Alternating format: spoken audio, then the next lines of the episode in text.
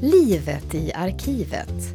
En podd från Västerbottens museum och Folkrörelsearkivet i Västerbotten. En novemberkväll 1935 förändras luffaren Erik Nordins liv. Han är redan känd som Stepparjerker, en småtjuv som hankar sig fram mellan tillfälliga jobb. Han är illa sedd, en cykeltjuv som stjäl mat för dagen. Samtidigt en välrakad man med ett vackert leende. Men den här novemberkvällen händer något. På en snöig landsväg i Österjörn börjar han slåss med en luffarkompis. Nästa dag syns blodspår i snön och polisen hittar en svårt sargad manskropp i ett dyhål i skogen. Från och med nu sätter namnet Stepparjerker skräck i Västerbotten. För mordet i Jörn har polisen efterlyst den före detta lämparen Erik-Olof Nordin, känd under benämningen Stepparjerker. Vi läser vad som står i VK, Västerbottens-Kuriren, dagarna efter brottet. Enligt signalementet har Nordin följande utseende.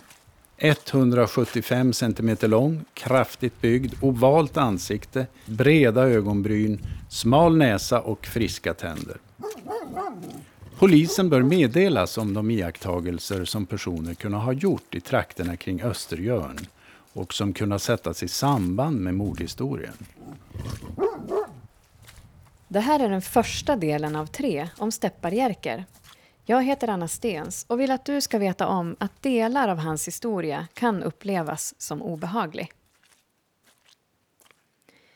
Många har hört Steppar-Jerkers namn, men få vet idag vem människan bakom myten kring honom var. För att bättre förstå det och den tid han levde i har vi träffat västerbottningar som minns honom. Vi har pratat med släkt till honom och framförallt har vi letat ledtrådar i olika arkiv. En som har ägnat mycket tid åt det här det är vår berättarantikvarie Marianne Folkedotter. Hon tar med oss till Österjörn, fem mil nordväst om Skellefteå där Steppar-Jerkers liv tog en helt ny vändning. Ja, nu kommer jag gående här på landsvägen mellan Österjörn och Kåge. Och jag har hunnit en liten bit utanför Österjörns by. Och här på höger sida om landsvägen så ser jag nu en bit in från vägen en liten skylt, vit skylt som sitter nerstucken i backen. Här står det. Detta är platsen där Steppar-Jerker alias Erik Nordin mördade Harald Fritiof Johansson och gömde honom i den kallkälla som då fanns här. Och det här är alltså den brottsplats där Steppar-Jerker eller Erik Nordin i ett slagsmål dödade Johansson. Vi ska se. Innan jag går vidare så ska jag veckla upp den här kartan som jag har med mig. Det här är den skiss som stadspolisen gjorde över brottsplatsen i samband med brottsplatsundersökningen. Och här kan man se på den här skissen att alldeles här vid landsvägen så hittades det blodspår i snön. Det var en, eh, en ruggig kväll tror jag.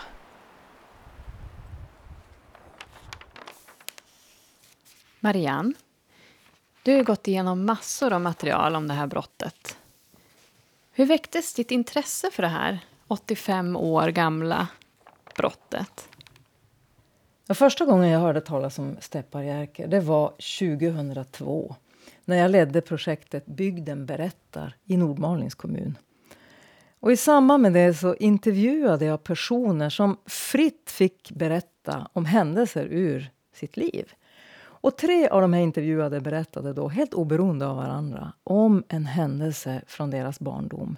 Om ett mord, som de beskrev det, som skett i Östergörn 1935 och om jakten på mördaren då, som sen följde och som tidningarna rapporterat om.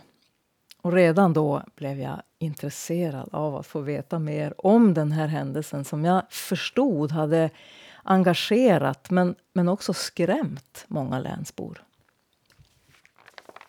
Och nu är vi ju här på Folkrörelsearkivet bland alla tidningar som vi har. Vi har ju tidningar från hela från Västerbotten och från hela 1900-talet. Och här då, om vi tittar i Västerbottens-Kuriren från måndagen den 11 november 1935. Det är alltså två dagar efter att brottet skedde. Det kom ju inga tidningar på söndagar. Ser du, det är stora rubriker. Mord i Östergörn. Offret, en 30-årig sjöman, hittad nedgrävd i ett dyhål. Ett sällsynt bestialiskt knivmord har på fredag kväll den 8 november ägt rum på landsvägen cirka en kilometer utanför Östergörn. Då huvudet var fullständigt sönderskuret och nedblodat förstod man att ett brott blivit begånget varför saken skyndsamt anmäldes till polismyndigheterna. Att mördaren måtte ha varit en i ovanligt hög grad råbarkad person framgår av tillvägagångssättet då han, förmodligen efter ett gräl, tilldelat Johansson ett knivhugg i halsen har han fortsatt med några jack till, därefter släpat honom över diket och försökt dölja honom under en mindre gran, cirka 10 meter från landsvägen, men förmodligen funnit gömstället väl dåligt, varefter han åter lyft honom och dragit honom ett tjugotal meter längre in i skogen och försökt trampa ner honom i ett dyhål. Härefter har han gått över till andra sidan av landsvägen för att tvätta sina blodiga händer i snö. Spåren synas visa att mördaren efter brottets begående tänkt skudda stoftet av sina fötter genom att försvinna in i skogen, men funnit det hopplösa här i och återvänt till landsvägen.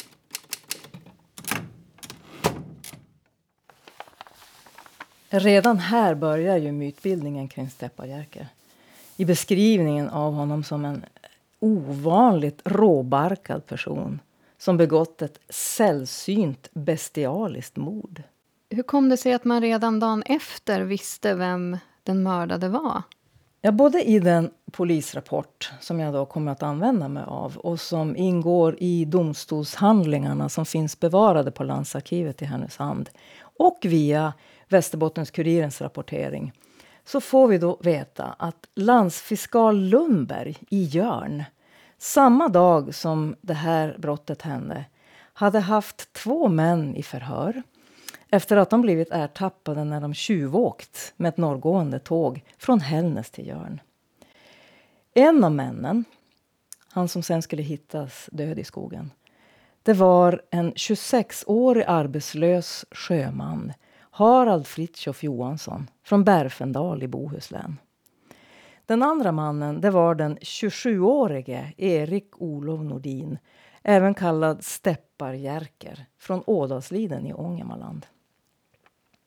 Och I samband med, med landsfiskalens förhör så hade Johansson och Nordin berättat att de träffats för en kort tid sedan på ett pensionat i Umeå att de hade blivit goda vänner och därefter då gjort sällskap norrut. Bägge två hade nyligen fått sina böcker påskrivna på sjömanshus. Så det hade inte funnits någon anledning att varna dem för lösdriveri utan landsfiskalen hade den här fredags eftermiddagen släppt iväg dem med uppmaningen att de skulle lämna Jörn. Men morgonen efter förhöret, när landsfiskalen så blev kallad till brottsplatsen i Östergörn så kunde han direkt konstatera att den här döda personen var samma Harald Fritiof Johansson som han träffat dagen innan. Och det är ju inte så konstigt då att misstankarna på en gång eh, riktades mot luffarkamraten Erik Nordin. Västerbottens-Kuriren den 11 november 1935. Han är tatuerad tvärs över vänstra handleden med ett hjärta och bokstäverna EA. Och på vänstra ringfingret är en ring tatuerad. Nordin var senast iklädd blå kavajkostym, blåaktig lumberjacka med blixtlås av silverliknande metall och ljus keps. När han talar och skrattar visar han vackra vita tänder. Möjligen är han försedd med identitetshandlingar utfärdade för den döde Harald Fritjof Johansson från Berfendal. Polisen bör meddelas om de iakttagelser som personer kunde ha gjort i trakterna kring Östergörn och som kunde sättas i samband med mordhistorien. skulle sålunda någon efter klockan nio i fredags kväll ha passerat vägen Jörn, Österjörn, Kåge och där mött en eller två personer i sällskap eller ensamma bör meddelanden härom lämnas till polisstationen i Skellefteå. Telefon 39. Om någon på nämnda vägsträcka eller i närbelägna byar ser en sparkstötting märkt med namnet Rut, gult i färgen och i en storlek som en större barnspark, då bör även detta meddelas. Enär i fredags afton en sån stals från en gård i Lindå. Ja, just det. Så flyktbilen som man skulle ha sagt idag, det var alltså en spark. Men varför kallades Erik Nordin för Stepparjerker? Jerker det var på den här tiden en vanlig böjning av namnet Erik. Och Stepparjerker det härleds till att han var en så kallad steppare. En kategori bland luffare som höll styvt på sig, som en slags eh, högre och lite finare sort. Och I eh, Svenska Akademins ordlista där förklaras ordet steppare med en arbetsskygg och relativt välklädd yngre luffare som delvis livnärde sig på stölder. Eh, motsatsen till steppare det var då bredspåringar. En benämning på de här lite sämre klädda och sjaskiga vandrarna. Och till den kategorin så räknades då offret Johansson.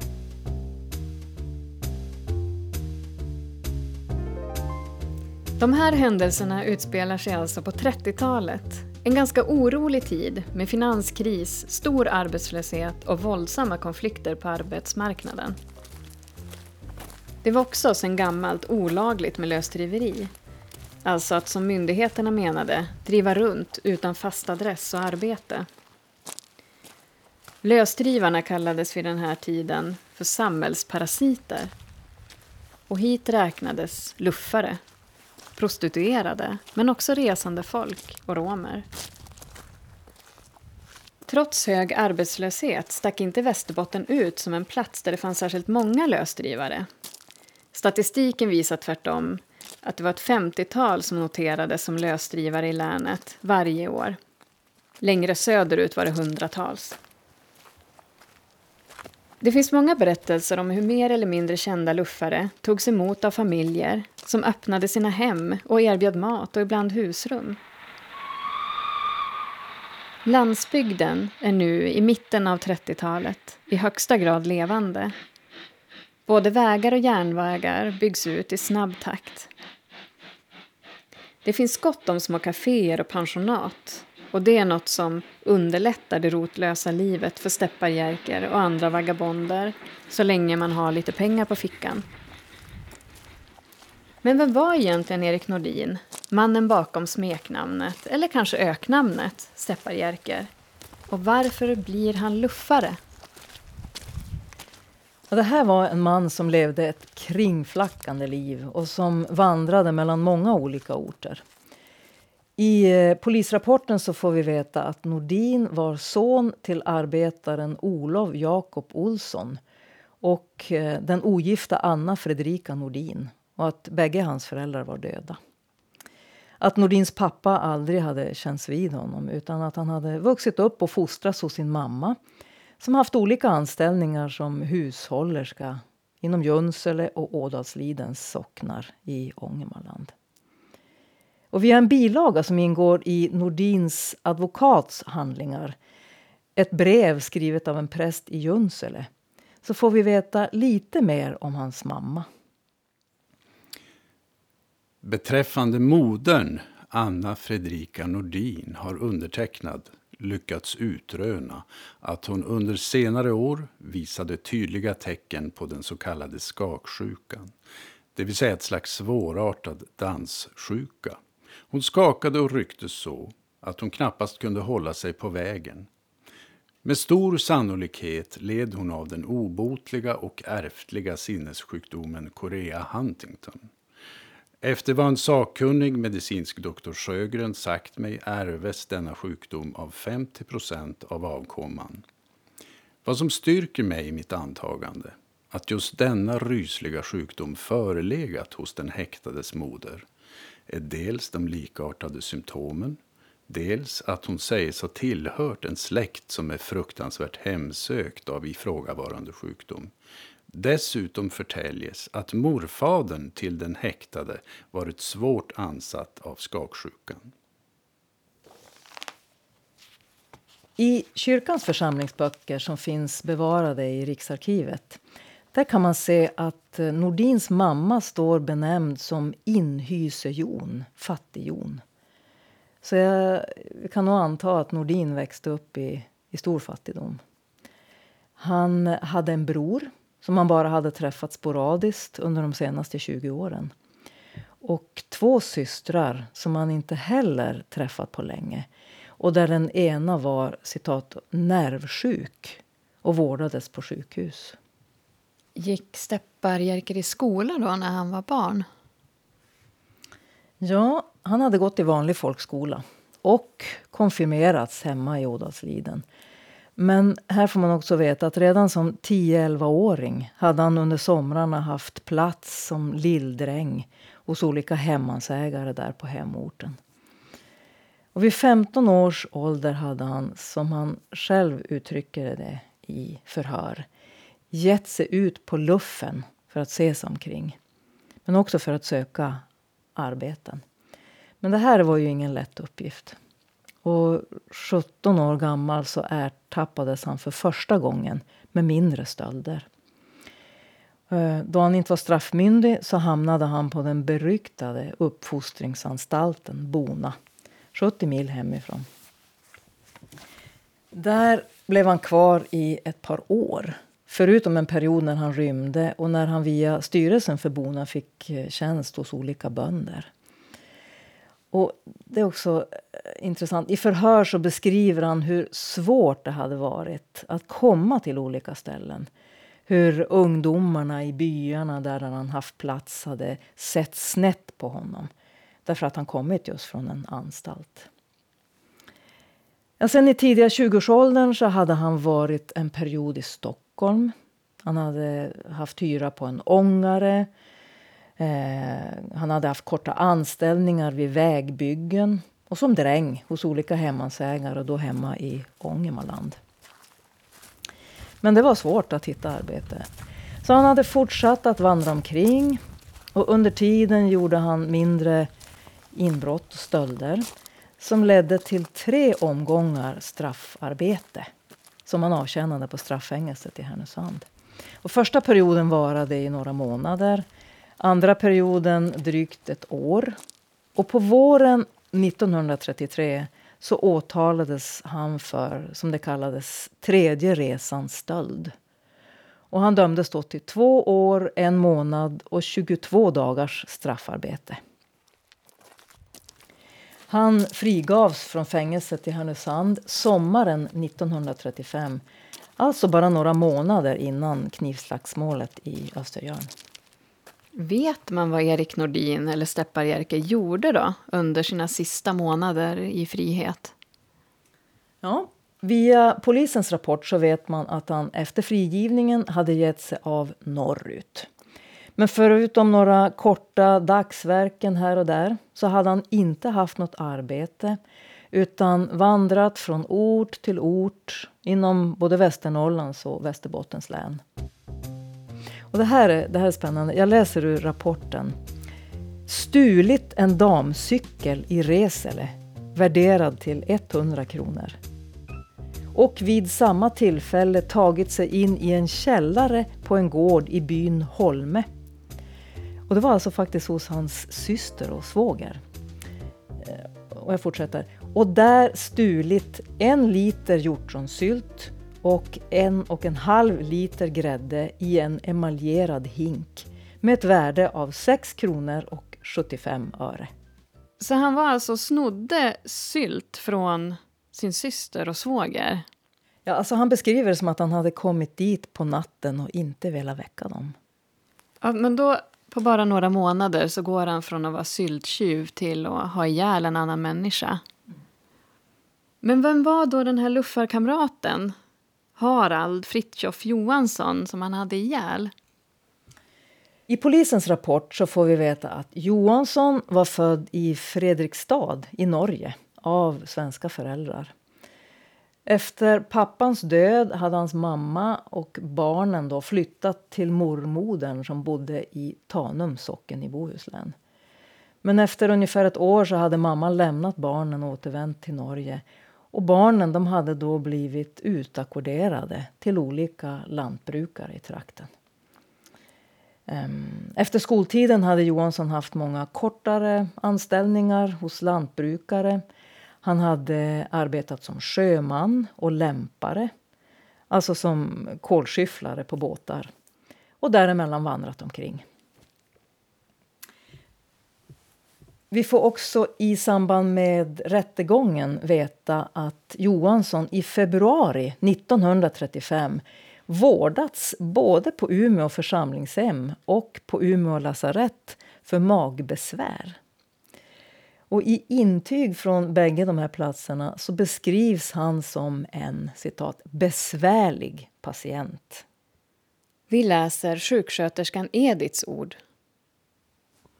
Johansson var synnerligen orolig, envis och ville ej lyda mina tillsägelser.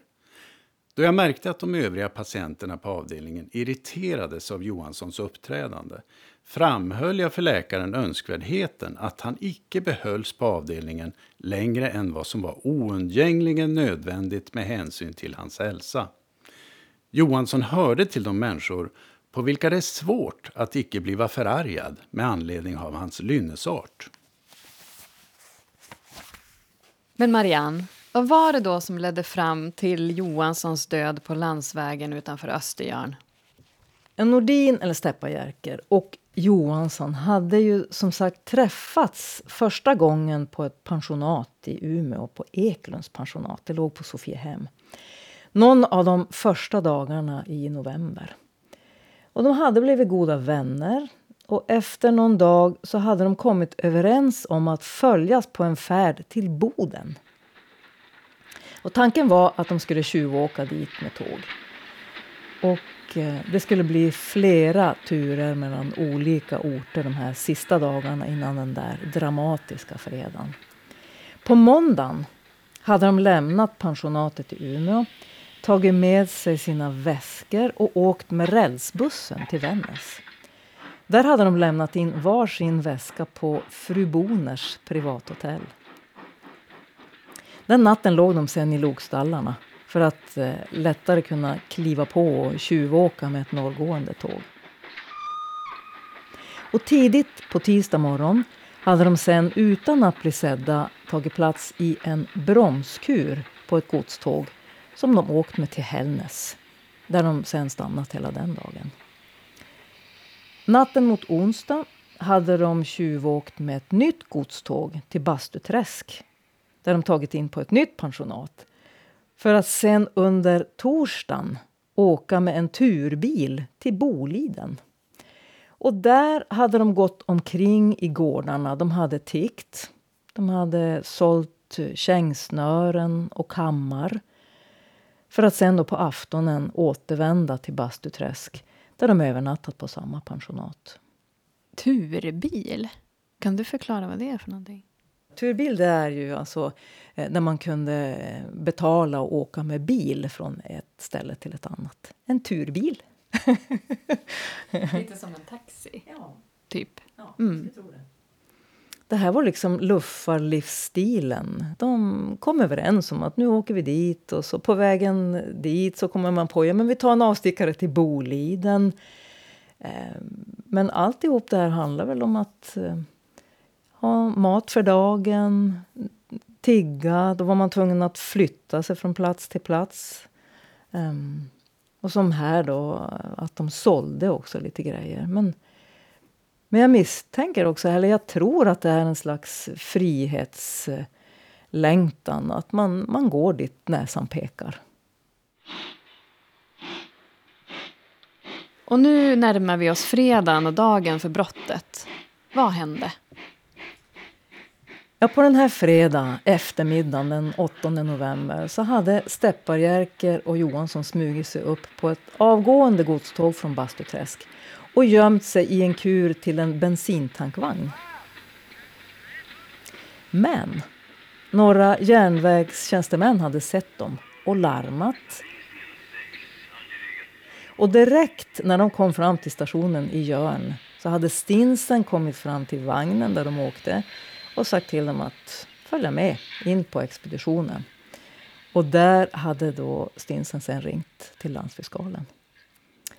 En eh, polisman hade kommit och hämtat dem med en bil och tagit dem med till landsfiskalkontoret där de, som vi då redan vet, blivit förhörda av landsfiskal Lundberg som sen släppt dem ungefär vid sextiden på kvällen. Men här dyker det upp en komplikation som ska visa sig bli en viktig del i det här dramat. I polisrapporten, och det ska jag säga, som alltså ingår i domstolshandlingarna som finns eh, på landsarkivet i Härnösand så får vi veta att när Nordin och Johansson kommit ut på gatan igen efter det här förhöret så hade Johansson märkt att han blivit av med sin portmonnä. Och för att söka efter den så hade han gått tillbaka, först in på gården och in till landsfiskalkontoret för att leta. Han hade även bett att få söka igenom polisbilen som de åkt med, men inte hitta börsen. Och när Johansson återvände från det här sökandet så hade han varit sur. Och Nordin, som var frusen och inte heller på bästa humör, han hade då föreslagit att de skulle gå och dricka kaffe på något café där i Jörn och värma sig. Men Johansson han hade fortsatt att stimma om den där portmonnän och pratat om nycklar och pengar som han haft förvarade i börsen. Och då det hördes på Johansson som att han misstänkte Nordin för att han hade tagit börsen så hade Nordin blivit tvär och lämnat över sin portmonnä till Johansson och sagt att titta om det finns några nycklar här då. Han hade även erbjudit Johansson att han skulle få söka igenom hans fickor efter börsen. Men det, det ville Johansson inte göra. Efter att Nordin, Steppajärker, erbjudit sig att tills vidare låna Johansson en femma så hade de till slut gått in på ett café. Där hade de stannat en timme ungefär och funderat över vad de skulle göra. Men landsfiskalen hade ju då uppmanat dem att lämna Jörn så fort som möjligt. Så Nordin hade föreslagit att de samma kväll eh, skulle gå österut mot Kustlandsvägen för att sen kunna fortsätta med den norrut till Boden. Ja, de hade då till slut enats om att åtminstone börja gå österut. Men det hade ju hunnit bli kväll och de var hungriga. Och när de kommit till utkanten av Jörn, då hade Johansson gått in i en gård för att tigga mat.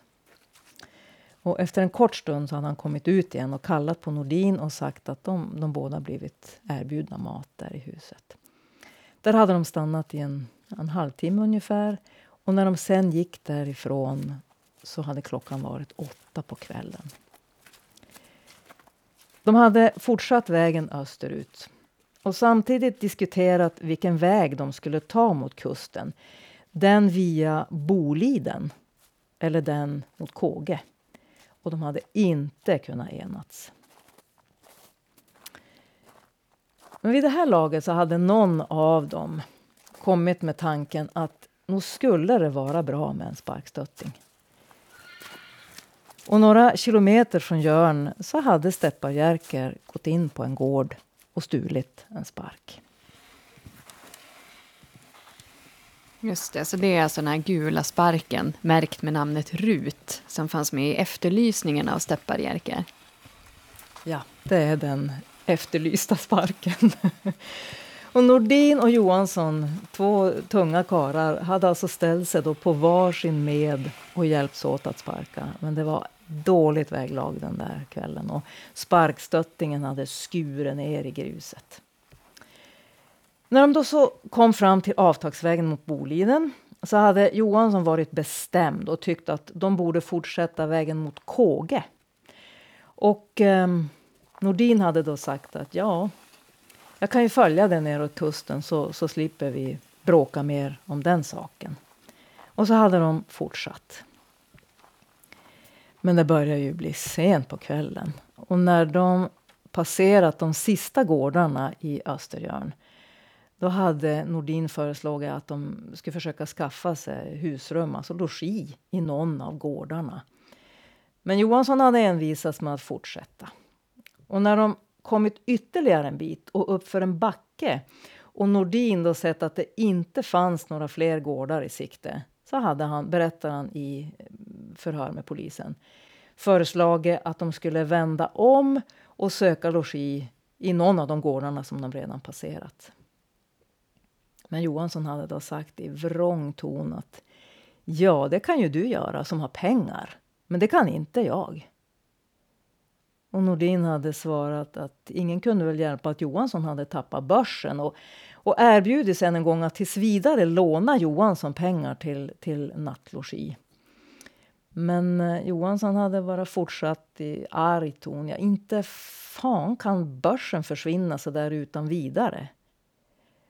Så det var ju helt klart då att han fortfarande misstänkte Nordin för att ha tagit den här. Men inte menar du väl att det är jag som har tagit den? Jo, det är just vad du har och det är förbannat simpelt gjort, hade Johansson svarat. Nordin hade nu blivit arg. Och med vänster hand hade han huggit tag i kläderna på Johansson som då med knuten hand måttat ett slag mot Nordins ansikte. I förhör så berättar Nordin att han under brottningen som följde landat på rygg i diket med Johansson över sig. Johansson hade haft ett av sina knän på Nordins bröst och med knät tryckt mot bröstet. Tänker du kväva mig alldeles? berättar Nordin att han hade ropat. Men på det här så hade Johansson inte svarat utan bara flåsat och flämtat som det står i polisrapporten. Nordin hade haft sin kniv med slir förvarad i högra kavajfickan då fodralet varit så trasigt att den inte gick att fästa på livremmen och i fallet i diket hade kniven antagligen ramlat ur fickan. När Nordin legat på rygg med Johansson över sig i diket hade Nordin så fått se att Johansson i vänstra handen hållit Nordins kniv. Tanken hade då flugit genom Nordin att Johansson, som också varit uppretad, tänkt hugga Nordin med kniven. Han hade då instinktivt sträckt upp högra handen för att få tag i Johanssons hand, men Johansson hade ryckt åt sig handen och Nordins hand hade glidit ned mot parerstången. Vid nästa ryck av Johansson hade kniven glidit genom Nordins hand och gett ett djupt sår på lillfingret och ringfingret. Det hade gjort citat hemskt ont, slutcitat. Och Nordin hade skrikit till. Nordin, som trodde att fingrarna blivit avskurna, hade blivit ursinnig och rädd på samma gång. I samband med att han skrek hade Johansson citat hajat till, slutcitat.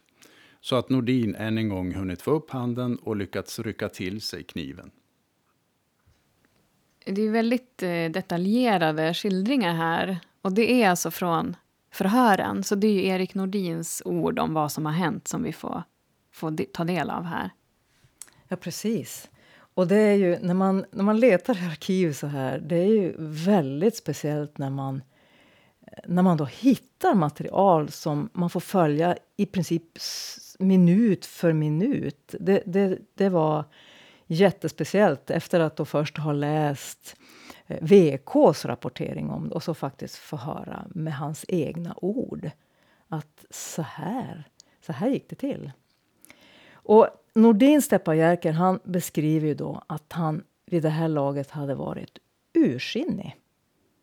Och för att komma upp så hade han blint måttat flera hugg, det är hans ord, mot Johanssons nacke, hals och rygg. Johansson hade skrikit till. Och Nordin hade samtidigt med en kraftansträngning lyckats komma upp på knä. Och då vräkte omkull Johansson på vägkanten. Eh, Nordin hade kommit upp på vägen och ögonblicket därefter också Johansson. Och nu så hade Johansson kommit rusande mot Nordin med ett föremål i högra handen som Nordin direkt trott vara en gummibatong. Och med det här tillhygget hade Johansson måttat då upprepade slag mot Nordin som lyckas parera slagen och som värjt sig genom att, som han säger själv, hugga härs och tvärs. Ett av huggen hade snuddat vid Johanssons kappa.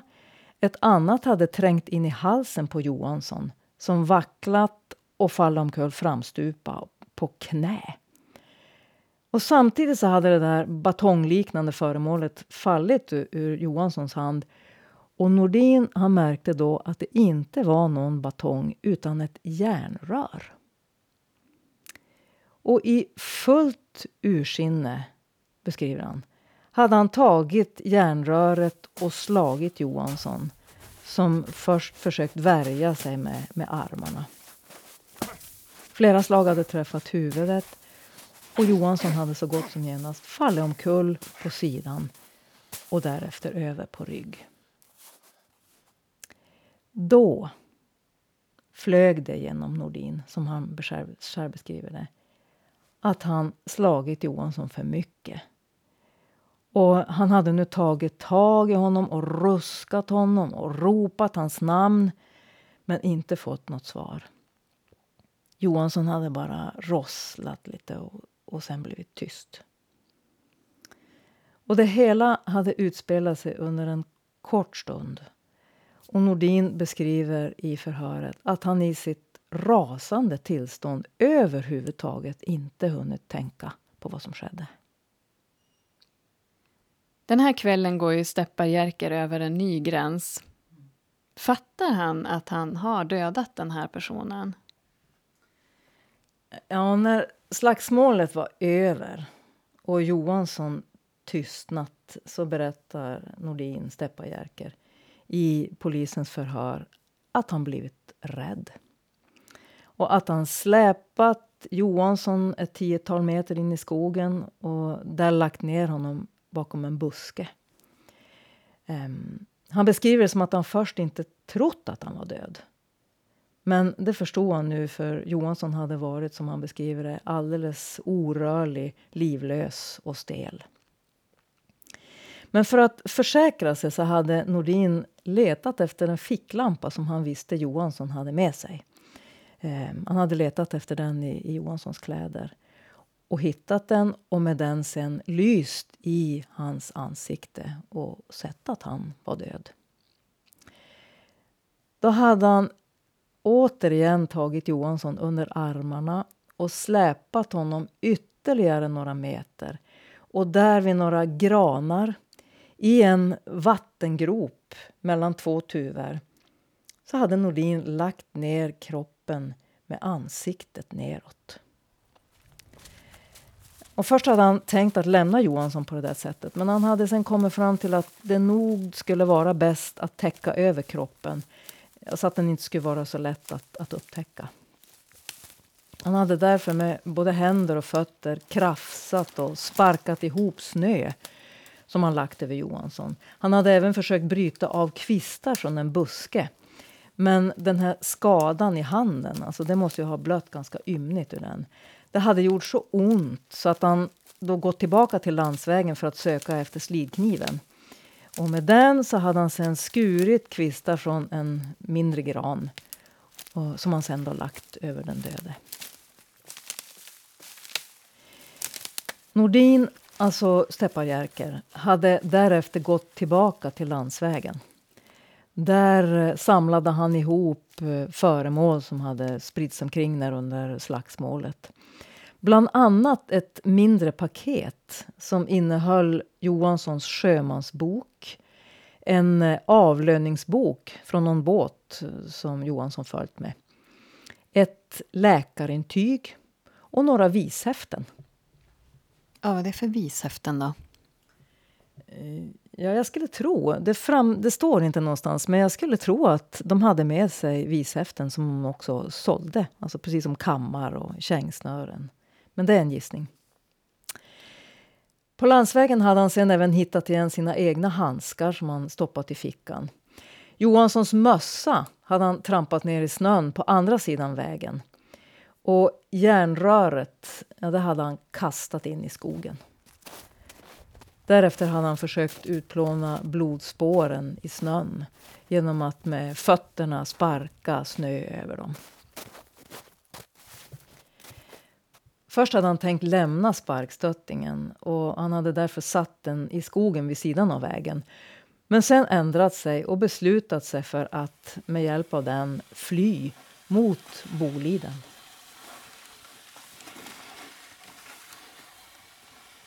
Nordin, eller Steppajärke då, återvände sen samma väg som de kommit. Och vid vägskälet Boliden-Jörn så tog han av mot Boliden.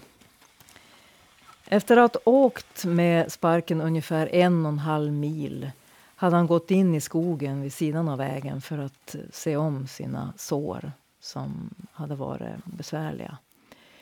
Där hade han också kastat ifrån sig kniven som han inte vågade bära med sig längre.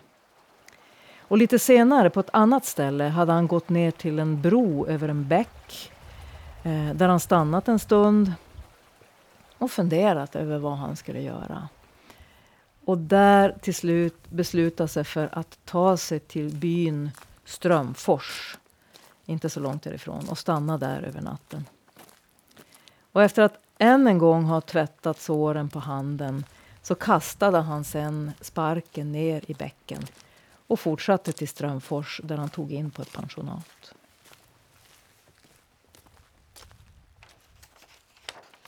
Här i VK, i Västerbottens-Kuriren, där står det i rapporten från det här brottet då, att om snö hade fallit under natten hade det kunnat dröja länge nog innan brottet upptäcktes då blodspåren i så fall hade utplånats.